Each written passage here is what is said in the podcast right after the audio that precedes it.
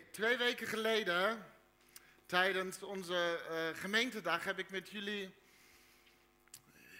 ja, mijn, mijn hart gedeeld. En, uh, uh, en dank jullie wel voor, voor jullie gebed op dat moment. Ongevraagd, maar wel heel erg gewaardeerd. Echt waar, een bijzonder moment. Voor mij, voor jullie hopelijk ook. En dank jullie wel ook voor de, de velende bemoedigende en liefdevolle berichten. Misschien mag ik dat uh, een keer zeggen, maar ik heb na deze zondag meer berichten gekregen dan denk ik in de afgelopen vijf jaar bij elkaar opgeteld over mijn preken. Dus echt heel veel uh, liefde, heel veel bemoediging. Dank jullie wel. Ook van buiten onze gemeente heel veel. Ook van predikanten die zeggen, yes. Uh, um, dus heel bijzonder. En, en wat ik ook veel las in, uh, in, in jullie responses was vooral, let's do it. Yes, La, laten we dat doen. Laten we bewogen bewegen. Laten we het avontuur aangaan om, om nog meer een gemeente te zijn die, die bewogen is met elkaar en, en met anderen en met de kwetsbaren. Misschien ervaar je dus hè, dat in je geloof dat, dat het niet meer zo beweegt. Dan wordt het misschien nu tijd dat je een keer met iemand anders meebeweegt waar Jezus bezig is. En dan ben je zelf ook weer in beweging. Laten we dat avontuur aangaan, meebewegen met elkaar, met anderen, met kwetsbaren. Laten we dus ten volste bewegen binnen de bedoeling van, van gemeente zijn. Dit is niet alleen een bijgerecht, maar dit is een groot gedeelte de essentie van wat het betekent om koninkrijk te leven in deze wereld. Jezus zijn voor elkaar. En deze beweging zal alleen zoveel in beweging zijn hè, dan dat je zelf bereid bent om mee te bewegen met anderen. Um, en, en, ik ben dan ook dankbaar voor uh, al de mensen die, die bereid zijn en die zich hebben opgegeven om met me mee te willen denken. Hoe we zo'n beweging ook nog verder vorm zouden kunnen geven. Het moet allemaal niet zo ingewikkeld, uh, maar hoe kunnen we dat een beetje faciliteren? En, en uh, naast dat dacht ik ook, is het denk ik goed om vandaag te beginnen met een nieuwe preekserie met de naam Bewogen Bewegen. Dus de komende weken uh, tot aan Advent zijn we hiermee bezig. Tussendoor wat gastsprekers. Angst zal een keer ook uh, invullen voor deze, van deze serie. En, en dan is het ook alweer kerst. Yay! um, we willen als gemeente, die definitie hebben we een keer met jullie gedeeld, willen we Jezus zijn. Gemeente zijn is Jezus zijn. Eh, we willen dus mensen ontmoeten, behandelen, liefhebben en helpen zoals Jezus dat deed. Vervuld met de geest om dat werk voort te zetten. Uh, uh, en, en, nog veel grotere dingen te doen dan, dan Jezus. En daarmee wordt niet bedoeld dat wij nog spectaculairere dingen doen. Veel mensen zitten dan altijd te wachten. Ja, maar wij zouden toch, was toch de bedoeling dat wij nog grotere dingen doen. Dus laat die poespas maar van de voor de armen zorgen. Ga aan het berg verplaatsen. Want dat is waar we op zitten te wachten nu. Want het zou er nog spectaculairer moeten zijn. Nee, ik denk dat is niet wat Jezus bedoelt. Daar is altijd wat verwarring over. Het gaat denk ik niet over bombastische, maar met groter dan hij wordt vooral bedoeld. Meer. Omdat wij zijn meer dan hij.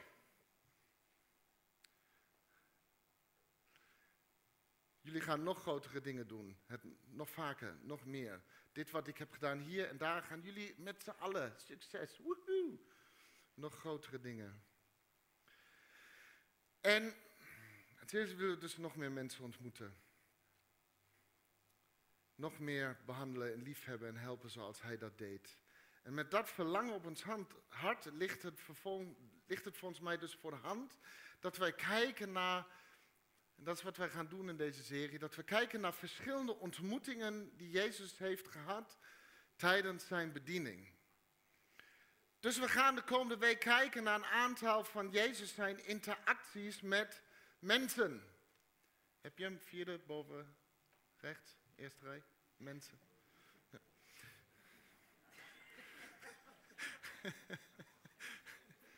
En, en ik zal mijn mijn best doen om het niet ingewikkeld te maken. Want de boodschap is vaak gewoon eigenlijk niet zo ingewikkeld. Um, en en, en ik, ik, ik snap het straks, weet je. elke keer als ik een blessing plaats of zo, krijg ik altijd weer een bericht. Iemand voelt zich altijd weer geroepen om te nuanceren. Hartstikke mooi.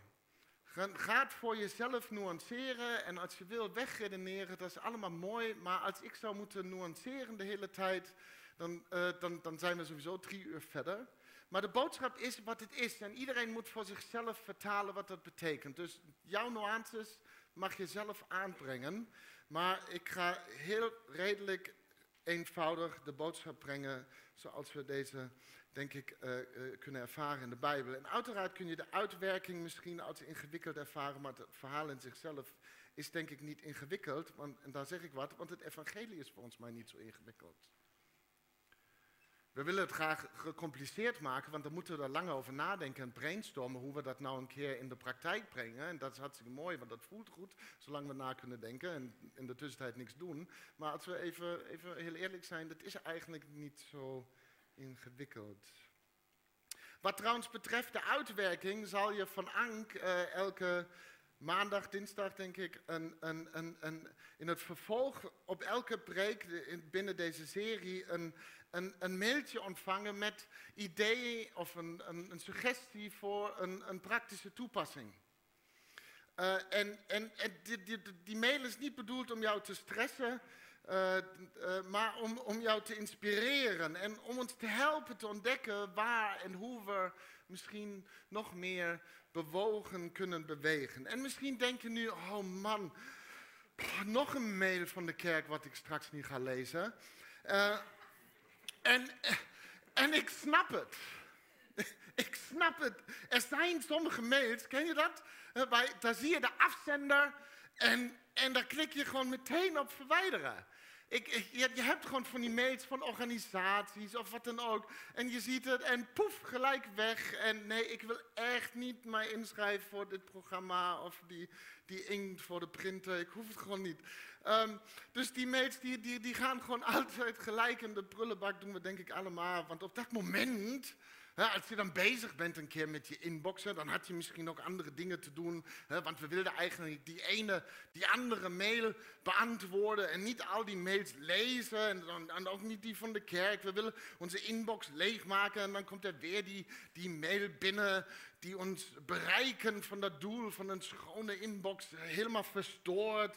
En wat in onze inbox gebeurt en met ons op dat moment, is in het leven niet veel anders.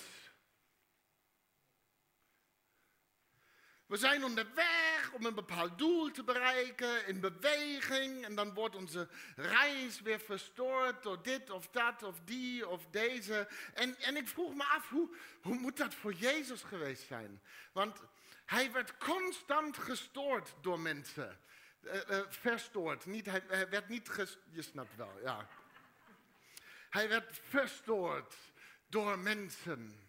Kijk bijvoorbeeld, we lopen maar even door een, een, bepaalde uh, ja, uh, een gedeelte even van Jezus, zijn, zijn, zijn reis, zijn bediening, even doorheen. En beginnen daar maar in Lucas 17. En dan zie je bijvoorbeeld dit. Op weg naar Jeruzalem, op weg hè, naar Jeruzalem. Dit is de hele weg die we de hele tijd bekijken nu vandaag. Op weg naar Jeruzalem trok Jezus door het grensgebied van Samaria en Galilea. En toen hij daar een dorp binnen wilde gaan, dat is waar ik heen wil. Op weg naar Jeruzalem en ik wil nu dat door binnen, maar daar kwamen hem tien mensen tegenmoet die door een huidziekte onrein waren. En je kent het verhaal. Dus Jezus onderweg naar Jeruzalem. En dan wordt zijn reis onderbroken door tien mensen met, met, met dingen. Jezus had een bestemming, een doel, een weg te gaan en door, dan wordt, hij, wordt het allemaal verstoord. Dus, dus Jezus werd onderbroken. Jezus werd onderbroken. En hier, hierna kom, komen nog een paar fariseeën even langs met ook een, een heel belangrijke vraag over het koninkrijk. En dat, dat, dat verhaal, daar heeft uh, Frank afgelopen zondag, was dat? Frank afgelopen zondag over gesproken. Kei goede preek. Dus, dus, dus Jezus werd onderbroken op zijn reis. En, en hoe, hoe, moet dat voor hem zijn geweest? Ik weet hoe het voor mij zou zijn geweest. Uh, en, en, Jezus ging uitgebreid in op de vraag van de fariseeën met allerlei gelijkenissen. En toen probeerden mensen ook nog kinderen bij hem te brengen. Eh, hij wordt dus onderbroken tijdens de onderbreking die een gevolg was van een onderbreking. En de discipelen willen de kinderen dus wegsturen, want genoeg is genoeg. Maar Jezus laat de kinderen bij zich komen. dan komt nog die rijke jongeling langs, die ook nog zo zijn issues had en, en vragen. En Jezus gaat ook met hem even het gesprek aan. Hoe moet dit zijn geweest voor hem? Constant weer onderbroken. Maar goed, na een heleboel uitleg en gelijkenissen en vertellen is, is Jezus weer onderweg. Dan, dan gaan we even een beetje verder in het verhaal. Hij nam de twaalf apart en zei tegen hen, even voor duidelijkheid, ja, we waren even bezig met een heleboel andere dingen, maar eigenlijk hier, dit is het. We zijn nu op weg naar Jeruzalem. En alles wat door de profeten over de mensenzoon geschreven is, zal daar plaatsvinden. Dus Jezus zegt, jongens, dit is waar we heen gaan en dit is wat ik daar moet doen. Dit, dit is mijn bestemming. Zegt hij, heb je ook, zo'n bestemming, zo'n zo'n doel? En dan zijn ze zo, zo lekker onderweg. Lekker aan het bewegen tot ze in de buurt van Jericho kwamen. En, en Jericho, even wat uh, kanttekening over deze stad, was gewoon een slechte stad. De, de, de, de 19e eeuw opwekkingsprediker Charles Spurgeon zei over Jericho dat het een vervloekte stad was. En niemand ging ervan uit dat ook maar iemand uit Jericho redding zou vinden. En Jericho was de eerste stad die de Israëlieten hebben uh, uh, ingenomen toen ze het beloofde land binnen zijn gekomen. Daar zie je maar weer de kerken die het langste staan, die... Nee, nou. Jericho, niemand ging ervan uit dat ook maar iemand in Jericho redding zou vinden. Er was weinig hoop voor, voor verlossing voor de inwoners van Jericho. God zou hier nooit opkomen dagen, dacht men. Nou, wat was Jericho dan voor een stad? Nou, nou Jericho, dat, nou, dat was, uh, was een soort van toegangspoort die, die in de buurt van het zuidelijke einde van het Jordaanvallei lag. Het was dus een soort van doorstroomlocatie uh, voor reizigers vanuit het oosten en noorden, die, die dus onderweg waren naar Jeruzalem. En, en in die tijd van Jezus was Jericho echt een oase. Een oase.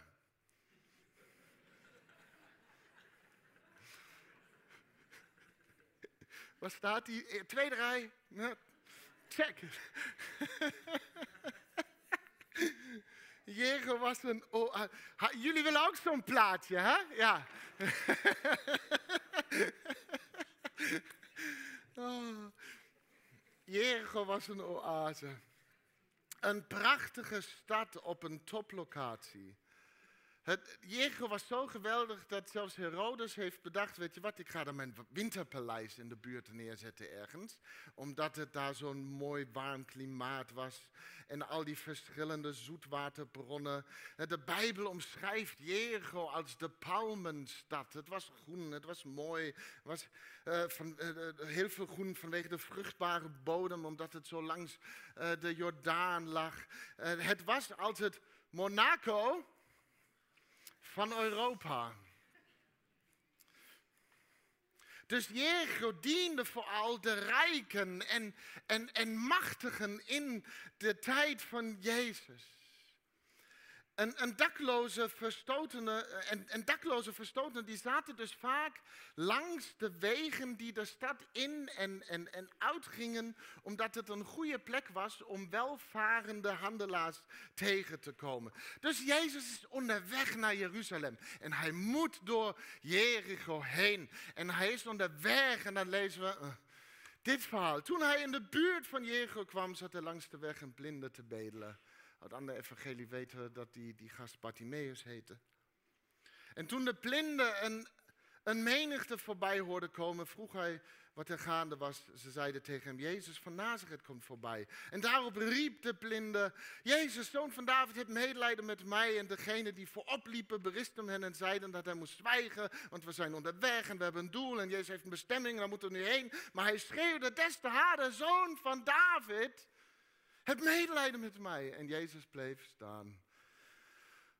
Weer onderbroken.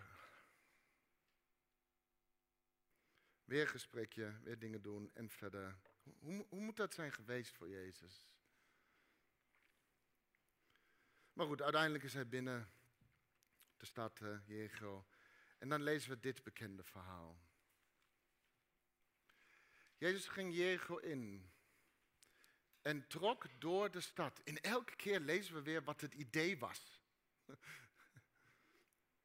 Er was daar een man die Zacchaeus heette en deze Zacchaeus was hoofdtollenaar en hij was erg rijk, zoals iedereen dus in Jericho. En hij wilde Jezus zien om te weten te komen wat voor iemand het was, maar dat lukte hem niet vanwege de menigte, want hij was klein van stuk. Daarom liep hij snel vooruit en klom in een vijgenboom om Jezus te kunnen zien wanneer hij voorbij kwam. En toen Jezus daar langskwam, keek hij naar boven en zei: Zacchaeus, kom vlug naar beneden, want vandaag moet ik in uw huis verblijven. En Zacchaeus kwam meteen naar beneden en ontving Jezus vol vreugde bij zich thuis. En allen die dit zagen, zeiden morren tegen elkaar: Hij is het huis van een zondig mens binnengegaan om onderdak te vinden. Yes!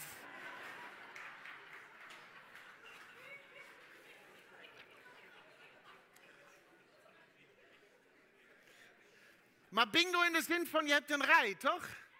Oké, nu gaan we kijken wie als eerste het hele plaatje vol heeft. Want er zijn nog een heleboel woorden die heb ik nog helemaal niet gezegd.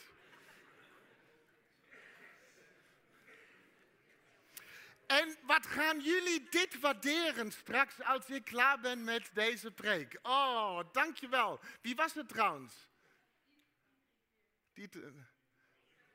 Oh ja, jullie drie. Goed. Waar was ik? Zacchaeus kwam meteen naar beneden toch en, en, en, en ontving Jezus vol vreugde bij zich huis. Dus thuis. Allen die dit zagen zijn tegen elkaar... Oh ja, daar waren we al. Hè? Hij is het huis van een zonnig mens binnengegaan om onderdak te vinden voor de nacht. Maar Zacchaeus was gaan staan en zei tegen de Heer, luister Heer, de helft van mijn bezittingen zal ik aan de armen geven. En als ik iemand iets heb afgeperst, zal ik het viervoudig vergoeden. Jezus antwoordde, vandaag is dit huis redding ten deel gevallen, want ook deze man is een zoon van Abraham. De zoon. De, de, deze dienst zal ik nooit vergeten. De, de mensenzoon is gekomen om te zoeken en te redden wat verloren was. Dus Jezus ontmoette Zacchaeus. Maar ook Zacchaeus en we gaan een beetje naar deze ontmoeting kijken. Dus. Maar ook Zacchaeus was dus een onderbreking, want zoals we weten wilde Jezus door de stad heen, omdat hij onderweg was naar Jeruzalem, naar zijn bestemming. En het verhaal van Zacchaeus wordt altijd zo schattig verteld, die kleine schattige Zacchaeus. Maar wat we ons moeten realiseren is dat Zacchaeus was gewoon een corrupte rotzak. En dat staat niet bij de bingo, dat woord.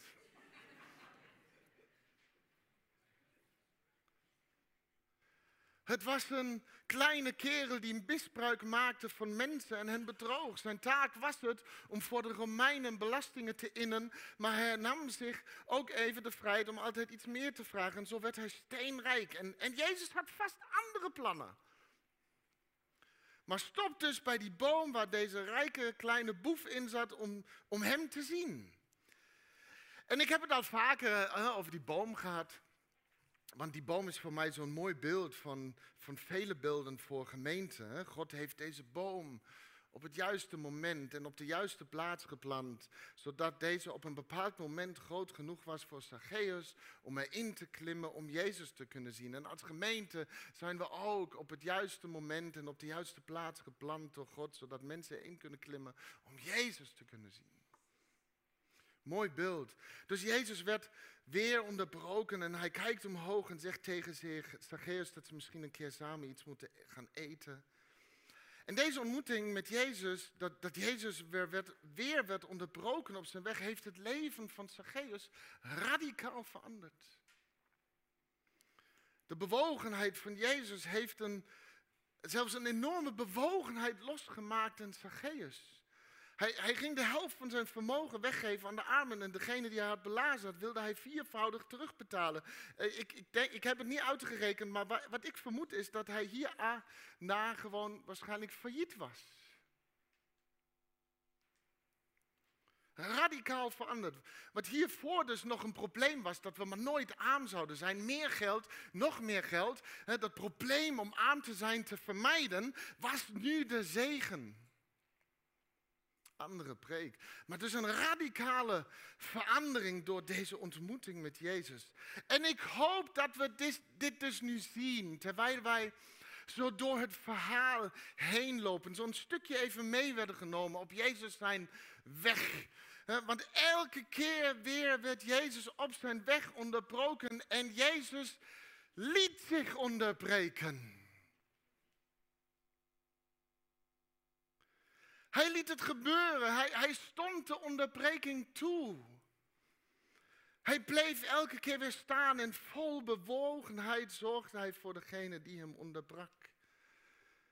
Dus op weg naar Jeruzalem ontmoette Jezus tien mensen met huidvraat en hij liet zich onderbreken door hun nood. Jezus liet zich ook door de fariseeën onderbreken. Jezus liet zich onderbreken door kinderen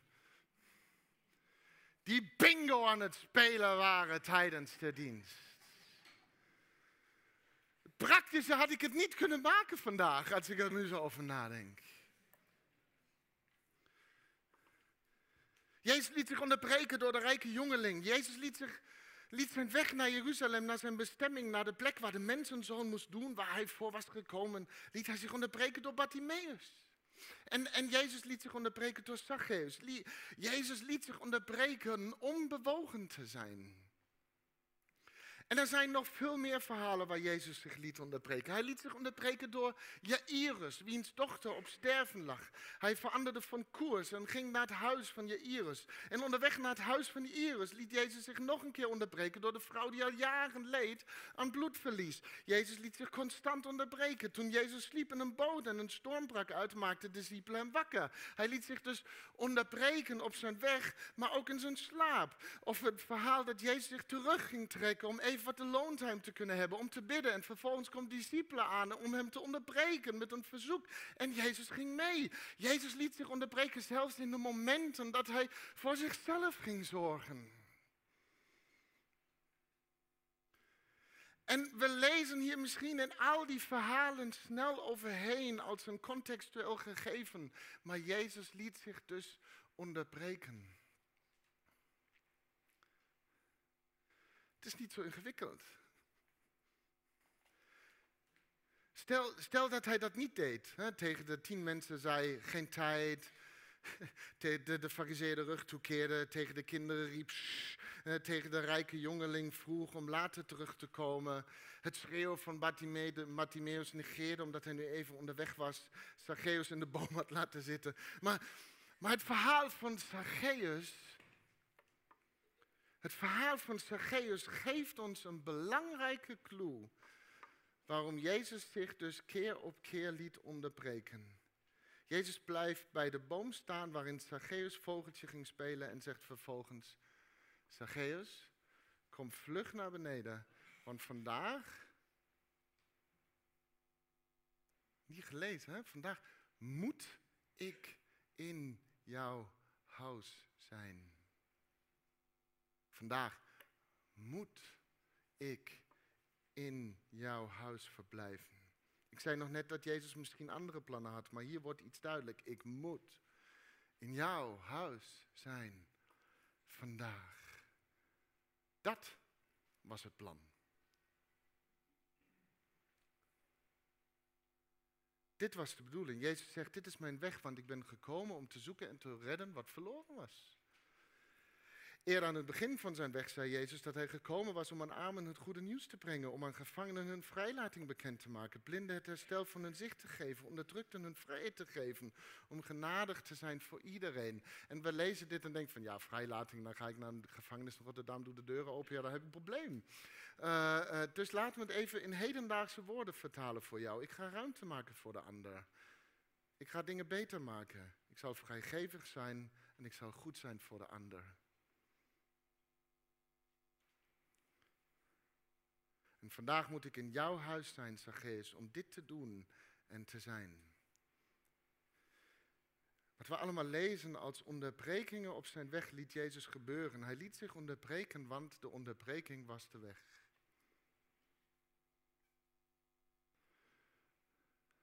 onderbreking was de weg.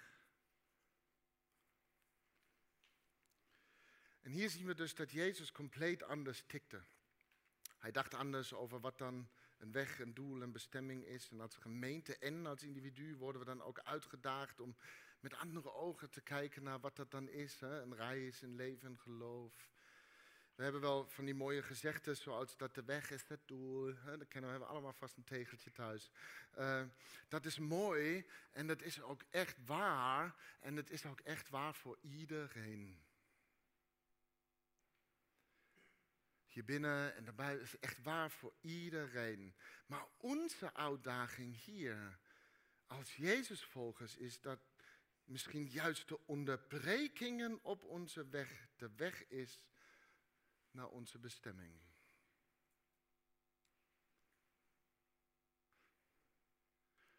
Dat is dus een compleet ander verhaal. Als de weg het doel is, hebben we geen tijd voor onderbrekingen op die weg. Maar Jezus tikte dus anders. Jezus liet zich onderbreken op zijn weg. En de onderbreking was de weg. En het was in de onderbreking dat Jezus op zijn best was. En geweldige dingen gebeurden. Er gebeurden altijd bijzondere dingen toen Jezus zich liet onderbreken. Tien mensen werden, werden genezen van hun huidvraat. De fariseeën kregen een hele reeks aan gelijkenissen als respons, waar wij als amateur fariseeën heel veel aan hebben. Hij, hij, hij liet de kinderen bij zich komen, want het koninkrijk van God is blijkbaar van wie is zoals zij. Door de rijke jongeling hebben we geleerd dat voor God niets onmogelijk is. Bartimeus werd genezen, kon weer zien en volgde voortaan Jezus. En Zacchaeus en zijn hele huis hebben zich radicaal bekeerd.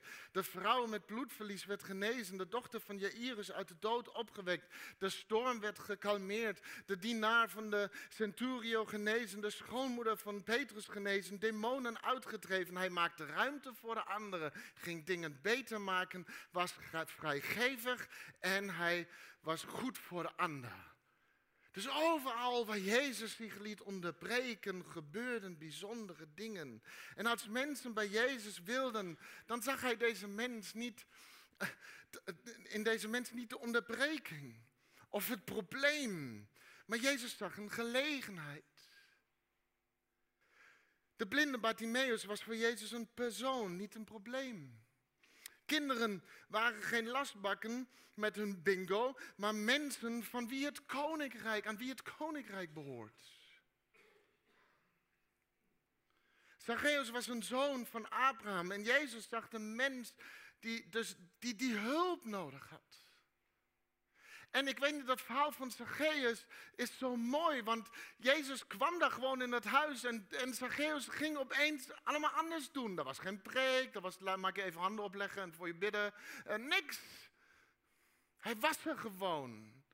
Mensen, uh, mijn vader heeft dat een keer zo mooi gezegd in, in een preek. Mensen herinneren zich niks van wat je zei of van wat je deed, maar gewoon omdat je opkwam dagen.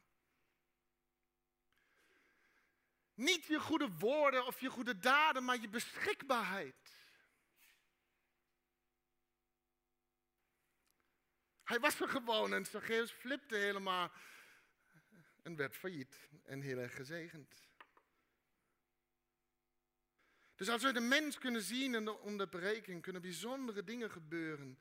En een vraag voor ons is dan, en jij mag straks alles wegnuanceren, dat zei je, maar hoe, hoe, hoe gaan wij dan zelf met, met onderbrekingen om? En het bijzonder als het onderbrekingen zijn waar anderen onze hulp nodig hebben.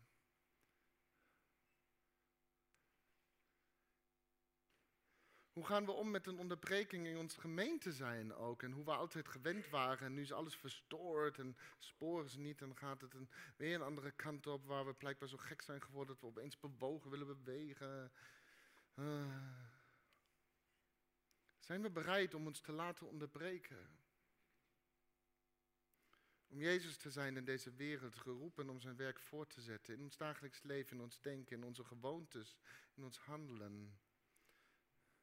In de onderbreking was Jezus bewogen met degenen die hem onderbraken. En, en deze onderbrekingen waren dus de weg. En de gelegenheden om bewogen te zijn zullen ons vanzelf vinden.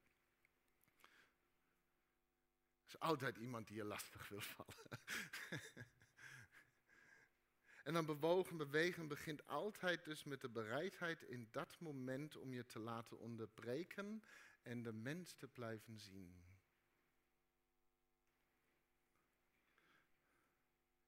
Weet je, we zijn allemaal onderweg naar deze heerlijke bestemming waar God de Vader ons zal met ons zal, onder ons zal wandelen en we samen zullen eten, zoals openbaring zegt, onderweg naar een geheil... Ja, daar was die.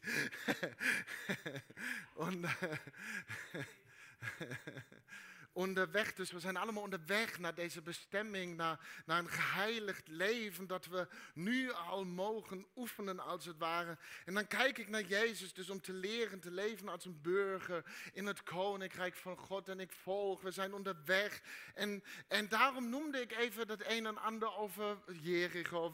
Want op, op deze weg naar deze glorierijke bestemming en dit doel passeren wij, denk ik, deze voor de meesten van ons rijke wereld. En op de wegen in en uit deze wereld zitten allemaal mensen die gewoon gillend ons proberen te onderbreken.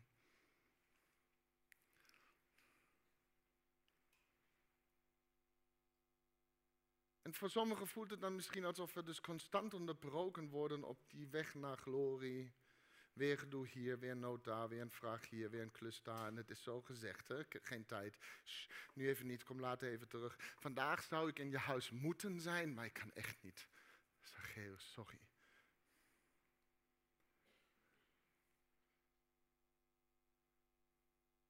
Maar wat dus als het juist in de onderbreking is dat we op ons best kunnen zijn als, als Jezus in deze wereld.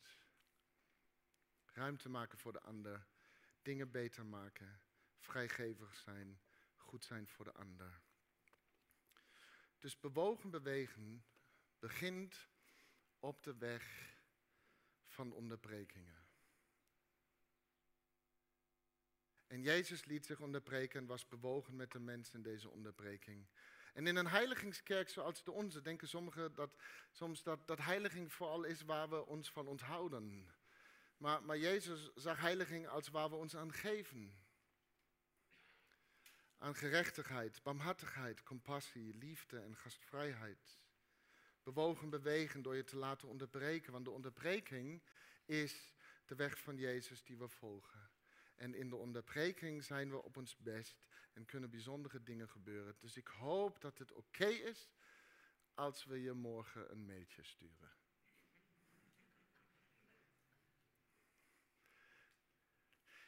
Maar tegelijkertijd, en dat gaan we nu doen, wil ik, we gaan zo, met, zo meteen met elkaar bidden, maar ik wil ook even van de andere kant benadrukken. Dit is voor degenen die misschien denken dat Jezus dus betere dingen te doen heeft dan zich om hem of haar te, te, te kommeren. Degene die samen met die tien mensen verlangen om medelijden, die met de fariseeën heel veel vragen hebben, samen met heel veel verklaringen en aannames en daardoor vastzitten misschien in hun denken. Degene die als kinderen van God niet het idee hebben dat ze doorheen komen, dat ze worden tegengehouden. Degene die als Bartimaeus gebukt gaan onder lichamelijke klachten en beperkingen. Degene die als Zacchaeus en vele anderen in Jericho dachten dat God niets met hen te maken wil hebben. Laat me dan dit tegen je zeggen. Jezus heeft nooit iets beters te doen dan zich op het moment dat jij hem aanroept door jou te laten onderbreken. Ik ga het nog een keer zeggen. Jezus heeft nooit iets beters te doen dan zich op het moment dat jij hem aanroept door jou te laten onderbreken. We mogen hem onderbreken. En Jezus zal je zien Niet als een probleem, niet als een onderbreking, niet als een tijdverspilling, maar als de mooie mens die je bent. Die even nodig heeft dat iemand beschikbaar is. En Jezus zal bewogen bewegen in jouw bestaan.